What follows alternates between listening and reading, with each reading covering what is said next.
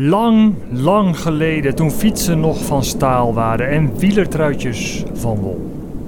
Toen bestond dit mooie radioprogramma ook al. Radio Tour de France. NOS Radio Tour de France 85. Het presenteren van Radio Tour de France is een erekwestie die voor de rest van je leven oplicht op je cv. En dat geldt zelfs voor iemand met het oeuvre van deze man. Klaas Samplonius en André van Duin. Papa, daar is hij weer voor het zoveelste jaar. Radio Tour de France. Uit het routeboek van Koos Hoek.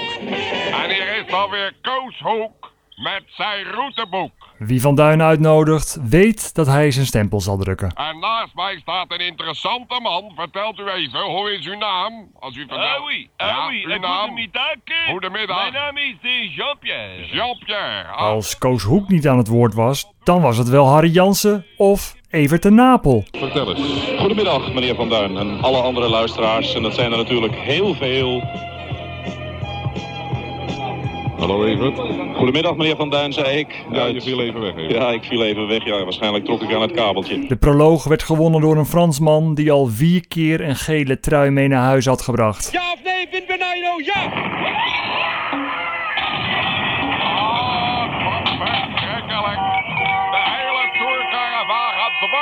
Over de verzamelaar heen. Ik zal hem even vragen. Voulez-vous leuk? De Tour de France? Hij heeft er geen woorden voor.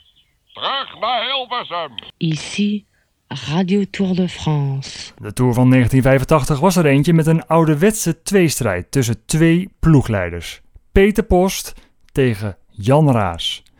Panasonic tegen Quantum. Ik zie Peter Post op dit moment niet, maar ik kan me voorstellen dat hij zuur kijkt. Want Jan Raas is natuurlijk de grote man van deze ronde van Frankrijk. Drie keer won zijn ploeg al. En daar komen ze. Het is Gerrit Zolleveld. Het is Gerrit Zolleveld. Henri Manders wint deze etappe. Hij is vreselijk blij. Hij is weg, Maarten Ducro. Ja hoor, die Maarten Ducro. Gaat er dan winnen? Gaat er dat houden? Hoppa! Zijn handen gaan omhoog. Maarten Ducro wint de negende etappe. De derde zege van de ploeg van Jan Raas. We rijden alsmaar formidaal met de hele ploeg en uh, ik zelf ook. En dan in één keer win ik een etappe. Ik snap er helemaal niks van, joh. Ici Radio Tour de France, le spectacle de la NOS. Gerry Kneteman was natuurlijk gewend om geïnterviewd te worden.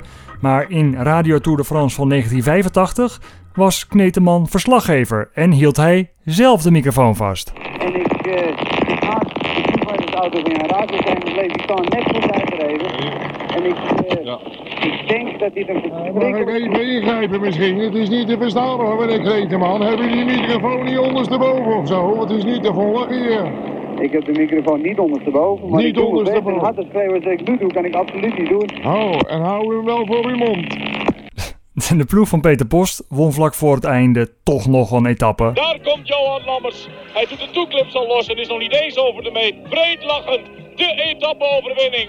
Klappend in zijn handen. Oh, wat is die jongen blij. En Bernard Hinault schaarde zich in het rijtje van Anquetil en Merckx. Greg LeMond staat nu op het podium, tezamen met Bernard Hinault. Felix Levitan staat erbij en alle hoogwaardigheidsbekleders... die straks Bernard Hinault, die nu zelfs even gaat zitten... gaan huldigen voor zijn vijfde zege in de Ronde van Frankrijk. En de vele luisteraars van Radio Tour de France zongen tot diep in de Hollandse nacht. Nou, gezellig was hij weer. En de Hunzige gezongen met z'n allen we, hè? Op de Tour de France.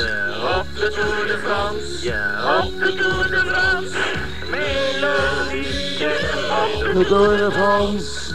de Tour de France. Op de Tour de France. Nou, dat klonk toch prachtig. Wil u allemaal nog even de groeten doen? U kan allemaal wat roepen nu. Groeten thuis, iedereen die zit te luisteren. Ja.